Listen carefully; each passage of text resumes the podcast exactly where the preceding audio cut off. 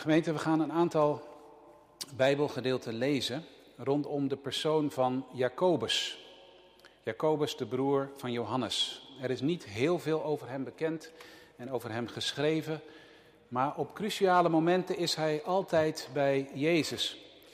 Hij hoort bij de drie intimi van Jezus, Jacobus, samen met Petrus en Johannes. En wij lezen een aantal gedeelten uit Marcus 1, Marcus 10, Handelingen 12 en tot slot nog twee versen uit Filippenzen 1 van Paulus. We beginnen in Marcus 1 en we lezen vers 16 tot 20. Kort gedeelte waar Jacobus door Jezus geroepen wordt. Marcus 1 vanaf vers 16 tot en met vers 20. En toen hij, dat is Jezus, bij de zee van Galilea wandelde, zag hij Simon en Andreas, zijn broer. En zij wierpen het net in de zee, want ze waren vissers. En Jezus zei tegen hen, kom achter mij en ik zal maken dat u vissers van mensen wordt. En ze lieten meteen hun netten achter en volgden hem. En toen hij vandaar wat verder gegaan was, zag hij Jacobus, de zoon van Zebedeus, en Johannes, zijn broer, die in het schip de netten aan het herstellen waren. En meteen riep hij hen en zij lieten hun vader Zebedeus in het schip achter met de loonarbeiders en ze gingen weg hem achterna. Dat is het eerste gedeelte uit Marcus. Het tweede gedeelte is hoofdstuk 10. En dan vanaf vers 32 tot 45. Waar Jacobus een belangrijke les moet leren over wat het betekent om bij Jezus te horen, hem te volgen. Marcus 10, vers 32. En ze waren onderweg en gingen naar Jeruzalem en Jezus ging hem voor. En ze waren verbaasd en terwijl ze hem volgden waren ze bevreesd. En toen hij de twaalf opnieuw bij zich genomen had, begon hij tegen hen te zeggen wat hem zou overkomen. Zie, wij gaan op naar Jeruzalem en de zoon des mensen zal aan de overpriesters en aan de schriftgeleerden worden overgeleverd en ze zullen hem ter dood veroordelen en hem aan de heidenen overleveren. En ze zullen hem bespotten en geeselen en bespuwen en hem doden. Maar op de derde dag zal hij weer opstaan. En Jacobus en Johannes, de zonen van Zebedeus, kwamen naar hem toe en zeiden: Meester, wij zouden wel willen dat u iets voor ons doet, wat wij ook maar vragen. En hij zei tegen hen: Wat wilt u dat ik voor u doe? Ze zeiden tegen hem: Geef ons dat wij mogen zitten, de een aan uw rechterhand en de ander aan uw linkerhand, in uw heerlijkheid. Maar Jezus zei tegen hen: U weet niet wat u vraagt. Kunnen jullie de drinkbeker drinken die ik drink en met de doop gedoopt worden waarmee ik gedoopt word? En ze zeiden tegen hem, dat kunnen wij. Maar Jezus zei tegen hen, de drinkbeker die ik drink zult u wel drinken. En met de doop waarmee ik gedoopt word, zult u ook worden gedoopt. Maar het zitten aan mijn rechter en mijn linkerhand is niet aan mij om te geven, maar het zal gegeven worden aan hen voor wie het bestemd is. Toen de tien anderen dit hoorden, begonnen zij het Jacobus en Johannes kwalijk te nemen. Maar Jezus riep hen bij zich en zei tegen hen: U weet dat zij die geacht worden leiders te zijn van de volken, heerschappij over hen voeren en dat hun groten gezag over hen uitoefenen. Maar zo zal het onder u niet zijn. Wie onder u belangrijk wil worden, die moet uw dienaar zijn. En wie van u de eerste zal willen worden, die moet slaaf van allen zijn. Want ook de zoon des mensen is niet gekomen om gediend te worden, maar om te dienen. En zijn ziel te geven als een losprijs voor velen. Tot zover de lezing uit Marcus. Wij lezen in het boek Handelingen, hoofdstuk 12, de eerste drie versen. Handelingen 12, vers 1 tot en met 3. Het gedeelte wat we net gelezen hebben is eigenlijk het langste, het meeste wat er over Jacobus geschreven wordt. Maar het eindigt hier in Handelingen 12 als volgt. Omstreeks die tijd sloeg koning Herodes de hand aan sommigen van de gemeente om hen kwaad te doen. En hij doodde Jacobus, de broer van Johannes, met het zwaard. En toen hij zag dat het de Joden wel gevallig was, ging hij verder door ook Petrus te grijpen. En het waren de dagen van de ongezuurde broden.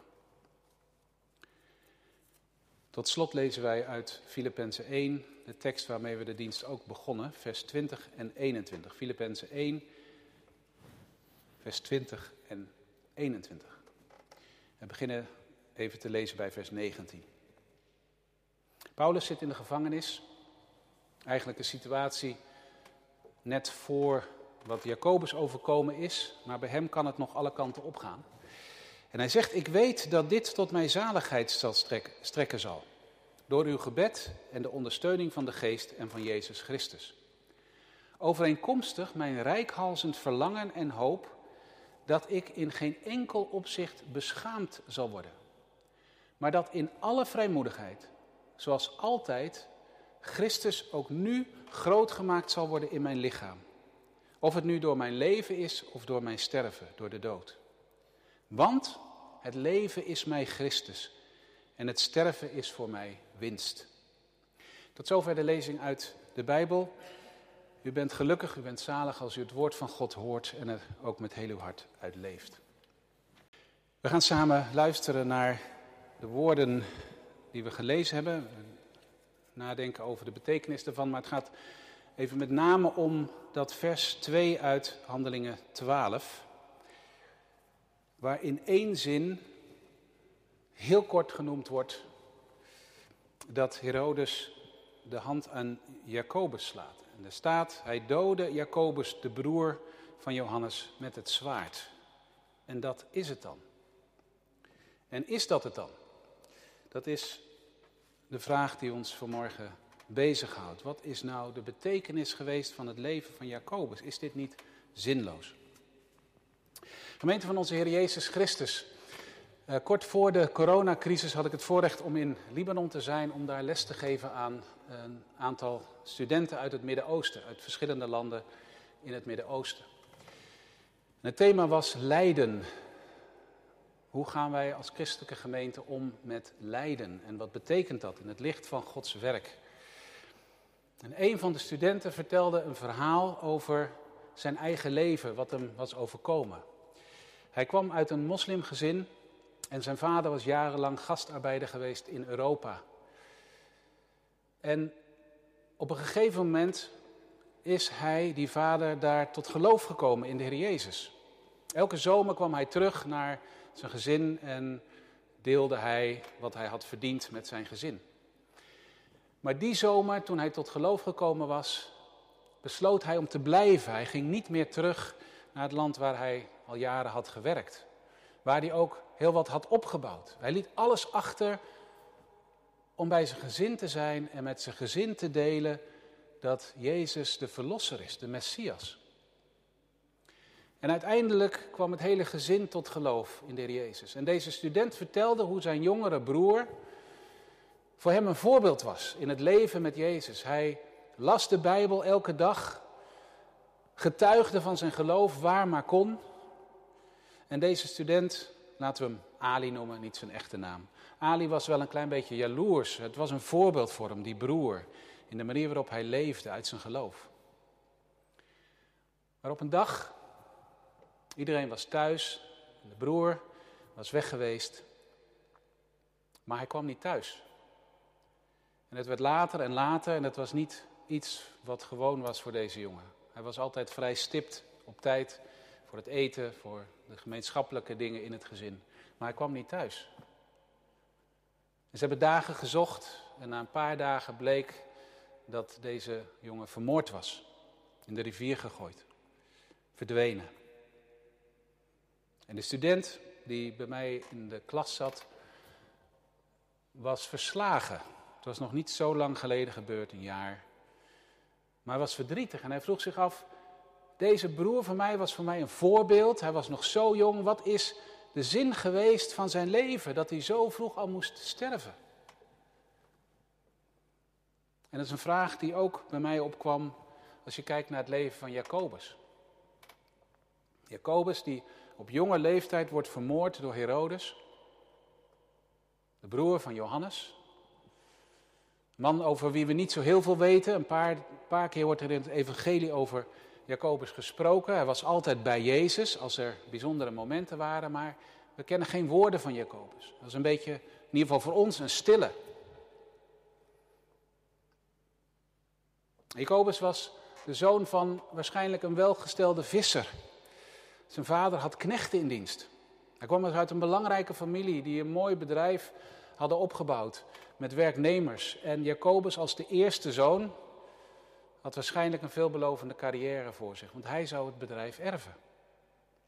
En we weten uit Johannes 18 dat de familie van Jacobus ook nog goed bevriend was met de familie van de hoge priester. Je moet dat thuis maar eens na, straks maar eens nalezen thuis. En dan staat er in één zinnetje, Herodes doodde Jacobus. En daarmee is het afgelopen. Dat is het dan. Zomaar is het over. Wat een veelbelovende carrière had kunnen worden, een veelbelovend leven, in ieder geval in het perspectief van de gemeenschap daar, van de samenleving, is in één keer voorbij. En wat is dan de zin van je leven? Wat is dan de betekenis van het leven? Wat is het geheim van een zinvol leven? En dat zijn misschien vragen die u zich vandaag de dag ook wel stelt. Zeker als je getroffen wordt, economisch hard geraakt wordt in deze tijd. Als je iemand heel nabij verloren hebt. Wat is nou echt belangrijk? Dat zijn vragen die ook ik me de laatste weken vaak heb gesteld. We rennen maar rond met z'n allen. We zijn druk in deze samenleving. Maar wat is nou echt belangrijk? Wat doet er nou echt toe? En dan wil ik wat verder kijken naar het leven van Jacobus. Maar ik begin met die tekst uit Filippenzen. Want eigenlijk ligt daar ook het geheim van het leven van Jacobus. Paulus zit, ik zei dat net al, in een vergelijkbare situatie als Jacobus. Voordat hij vermoord werd. Hij is gevangen genomen, hij zit in de gevangenis. En voor Paulus is het nog open hoe het af zal lopen. Het kan alle kanten opgaan. Hij zegt, het is mogelijk dat ik vrijgelaten word. Het is mogelijk dat ik moet sterven. Het is 50-50. Kan eigenlijk alle kanten opgaan. Maar wat er ook gebeurt, het is goed. Het kan de vreugde van mijn leven niet wegnemen. Mijn vreugde is blijvend. Mijn leven kan niet mislukken, welke kant het opgaat en waarom niet. En dat is het geheim wat hij in vers 21 benoemt. Omdat mijn leven Christus is. En als mijn leven Christus is, dan kan niets dat van me afnemen en dan is het sterven zelfs winst. Het kan niet meer mislukken. Voor mij is dat het geheim waarmee we ook naar het leven van Jacobus moeten kijken. Niet vanuit de carrière mogelijkheden die hij had, maar vanuit dit geheim. En dat is het geheim wat Jacobus in zijn leven heeft geleerd. En er zijn drie punten die ik uit zijn leven naar voren wil halen aan de hand van wat we gelezen hebben. Het eerste waar we zien dat Jacobus dit leert is al bij zijn roeping. In Marcus 1, als we zien dat Jezus langskomt, langs het water loopt en uh, het bedrijf van uh, Jacobus, zijn vader, ziet. En dan de discipelen roept, Jacobus roept.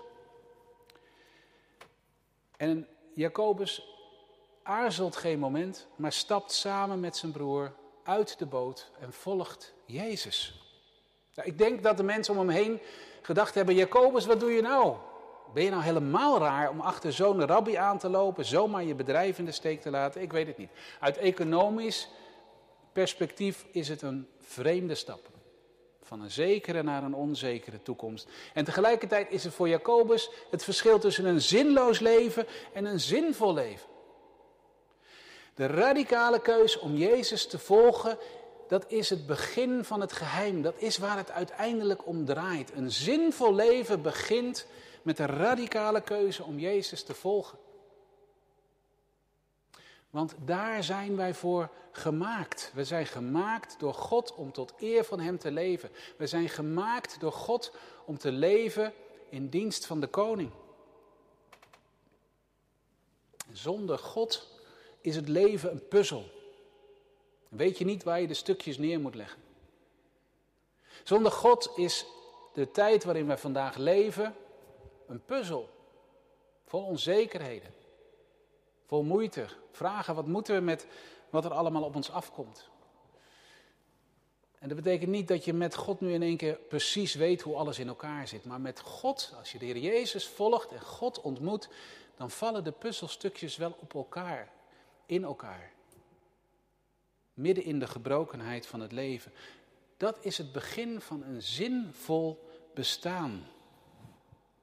Zelfs als alles in stukken lijkt te liggen. En natuurlijk begrijp ik, de roeping van Jacobus was wel een bijzondere roeping tot apostel. Maar daarin is hij een voorbeeld voor iedere gelovige.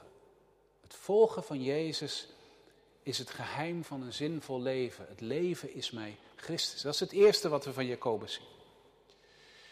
Maar het tweede wat Jacobus heeft geleerd in de loop van de tijd, was dat echt leven in de navolging van Jezus niet betekent dat je op de troon gaat zitten, dat je gaat heersen, maar dat je Hem volgt in het dienen. Jacobus heeft dat moeten leren in een soort praktijkonderwijs.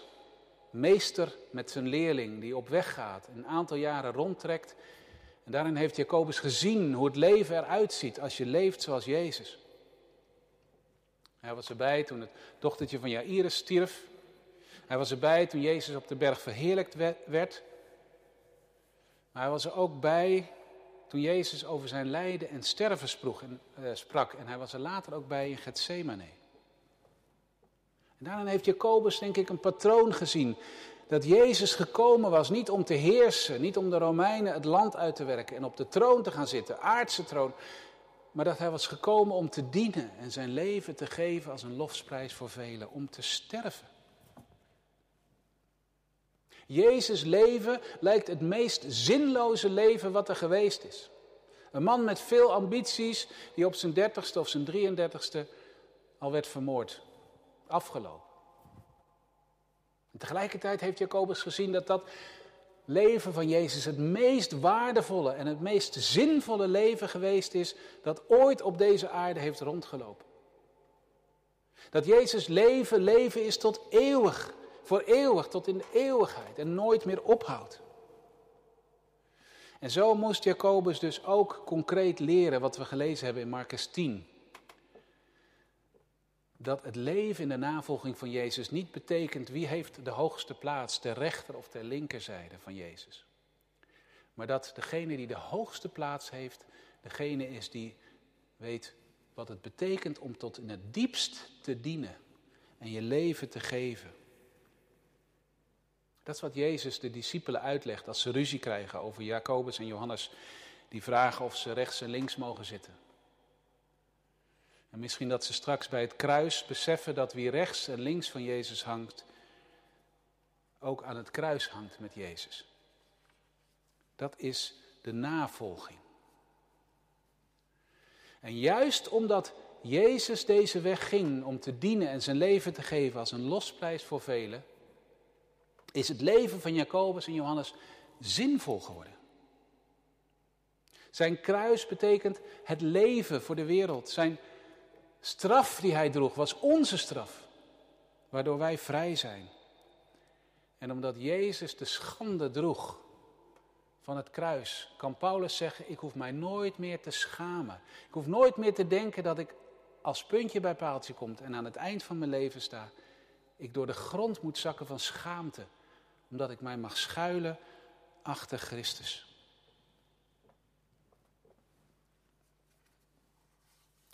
Dat is het tweede wat Jacobus heeft geleerd over een zinvol leven. Het is een leven in de navolging van Jezus, een radicale keus om Hem te volgen. En het is een leven dat gekenmerkt wordt tot het dienen, tot het geven van je leven voor de wereld waarin je leeft. Om mensen bij God te brengen. En het derde wat we over Jacobus leren, en dat kom ik weer terug bij Paulus. Wanneer is het leven van Jacobus zinvol? Dat is wanneer het Christus verheerlijkt. Dat is wat Paulus zegt in Filippenzen 1, vers 20. Hij zegt, ik weet dat ik in geen enkel opzicht beschaamd zal worden, maar dat Christus in alle vrijmoedigheid, zoals altijd, ook nu groot gemaakt zal worden in mijn lichaam. Of het nou is door mijn leven of door de dood. Als Christus je leven is, dan betekent het dat je leeft voor Christus. Dat Hij het centrum van je bestaan is en dat je uiteindelijk Zijn naam groot maakt, of je nu leeft of sterft. In leven en sterven zijn we van Hem. En groot maken betekent dan niet dat we Christus iets geven wat Hij nog niet heeft, alsof Hij nog groot gemaakt moet worden omdat Hij het niet is. Het betekent dat wij in de wereld laten zien dat God groot is, dat Jezus groot is. En dat de mensen Hem gaan eren en aanbidden en zeggen, wat een geweldige verlosser hebben jullie. Dat je in deze tijd, zelfs nu, nog leeft voor Hem. En hoeveel zorgen je ook maakt, toch ten diepste weet, ik ben geborgen in de hand van mijn verlosser. Dan is je leven geslaagd, als dat realiteit is. Dat Christus in ons verheerlijkt wordt. En dat is nou precies wat er ook gebeurt in de dood van Johannes. Ja, zelfs de dood van Johannes. Want voor Johannes is, voor Jacobus, want voor Jacobus is het winst. Zijn leven was Christus en zijn dood bracht winst. En hij is met open armen door God binnengehaald. Die intimiteit die hij met Christus had op aarde was compleet. En dat is een verheerlijking van Gods naam, want de dood heeft niet meer het laatste woord. De zonde heeft niet meer het laatste woord. Nee, zelfs Herodes heeft niet meer het laatste woord. Kort na deze dramatische dood sterft Herodes zelf. De dood van Jacobus was een dood in dienst van Jezus. En we weten dat de vroege gemeente zich daarover verheugde als ze konden lijden om de naam van Christus. Dat ze het waard waren om te lijden voor de naam van Christus. Want dat betekende dat ze in dienst van Hem leefden. Dat is het geheim, denk ik, van het leven van Jacobus. Een radicale keuze om Jezus te volgen. Het dienen in, in de dienst van Jezus. En zo weten dat zelfs je leven en je dood Christus groot maken. Dat is dus ook vanmorgen de vraag aan ons. Als je naar je eigen leven kijkt, in deze coronatijd, maar ook daarbuiten. Wanneer is je leven zinvol, betekenisvol? Wanneer komt het tot zijn bestemming, de bestemming die God ermee had? Dat is wanneer ons leven Christus groot maakt. Wanneer ons leven God verheerlijkt. En het kan best zijn dat je blijft vissen. We hoeven niet allemaal gelijk ons vak in de steek te laten.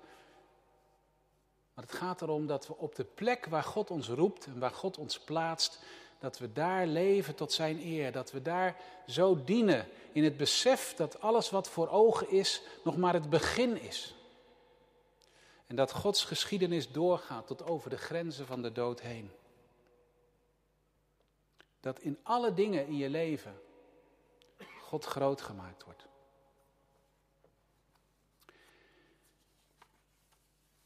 En dat betekent dat we in de eerste plaats leven voor Hem en niet voor onszelf. De vraag is, zijn we werkelijk bereid om Jezus te volgen en Hem te dienen, ook als het ons iets kost? Want het gaat er uiteindelijk niet om wat we nou precies bereiken in deze wereld. Publiekelijk, of mensen dat allemaal nou zien. Ik weet niet of Jacobus nou altijd zo gezien was. Ik weet niet of zijn leven geslaagd was in het perspectief van de samenleving.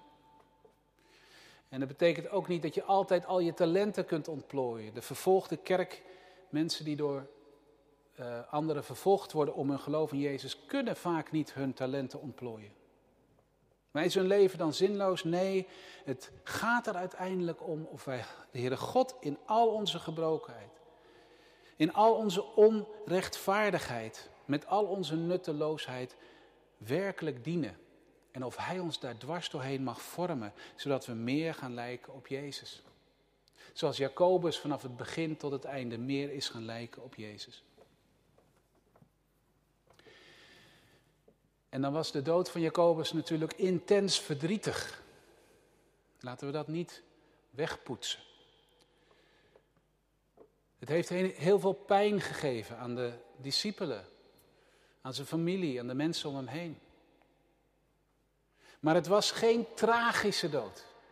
Het was niet een veel te vroeg einde van een veelbelovende carrière, maar het was de doorgang naar het leven met God in alle volheid, waardoor zelfs in de dood Gods naam verheerlijkt werd. En zo zei die student uit Libanon, die ik daar ontmoette,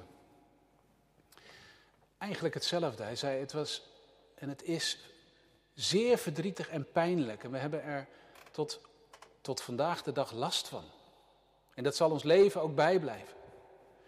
En toch was het niet tragisch. Want zelfs in zijn dood was deze broer van de student een getuige. Een getuige dat hij gestorven was om de naam van Jezus. Een getuige dat hij niets liever wilde dan Christus dienen. En heel het dorp heeft het gehoord en gezien. We kunnen daar geen logische verklaring aan geven, maar voor deze studenten was het een bemoediging en zei: Ik heb gekozen om mijn leven ook werkelijk in dienst van Jezus te stellen. En zelfs in de dood was mijn broer daarvoor een voorbeeld. Zo roept Jezus ons op vanmorgen om Hem te volgen, om Hem te dienen en door Hem te dienen de wereld te dienen waarin wij leven en Zijn naam groot te maken. Blijf daarom in Hem, want zonder Hem kun je niets doen. Blijf in Hem, opdat je veel vrucht draagt. Amen.